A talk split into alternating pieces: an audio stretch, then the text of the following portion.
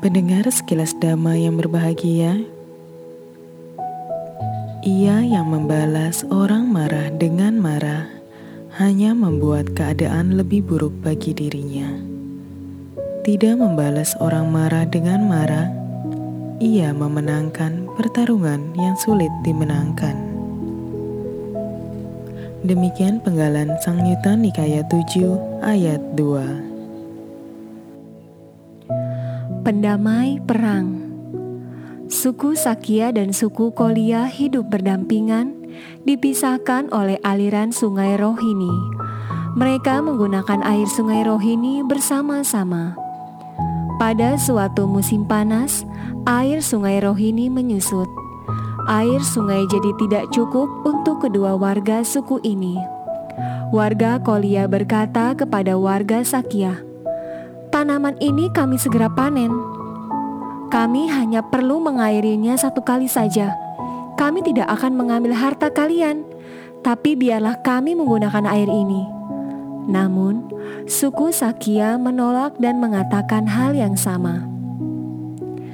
Awalnya, mereka berbicara baik-baik, lama-kelamaan makin tidak baik sampai akhirnya ada yang menyerang dan yang lainnya membalas.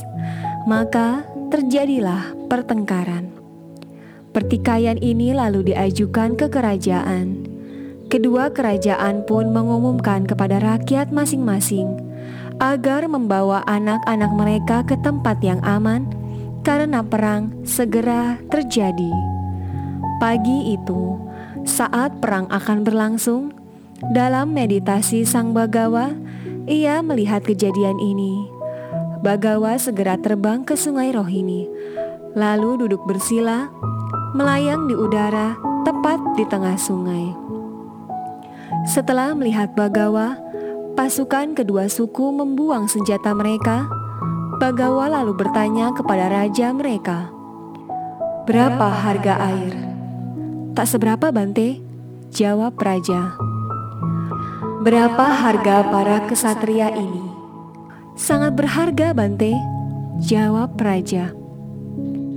Hanya demi air yang tak seberapa harganya, kalian hancurkan para kesatria yang sangat berharga. Ujar Bagawa. Mereka terdiam. Bagawa menyadarkan mereka. Jika hari ini Bagawa tidak datang, akan ada sungai darah di sini. Bagawa lalu mengajarkan Dama kepada mereka. Setelah mendengar Dama, kedua warga suku sadar dan perang pun batal. Sebagai rasa terima kasih, 250 pemuda dari tiap suku menjadi biku. Nantikan sekilas Dama episode berikutnya yang berjudul Mendirikan Sangha Bikuni.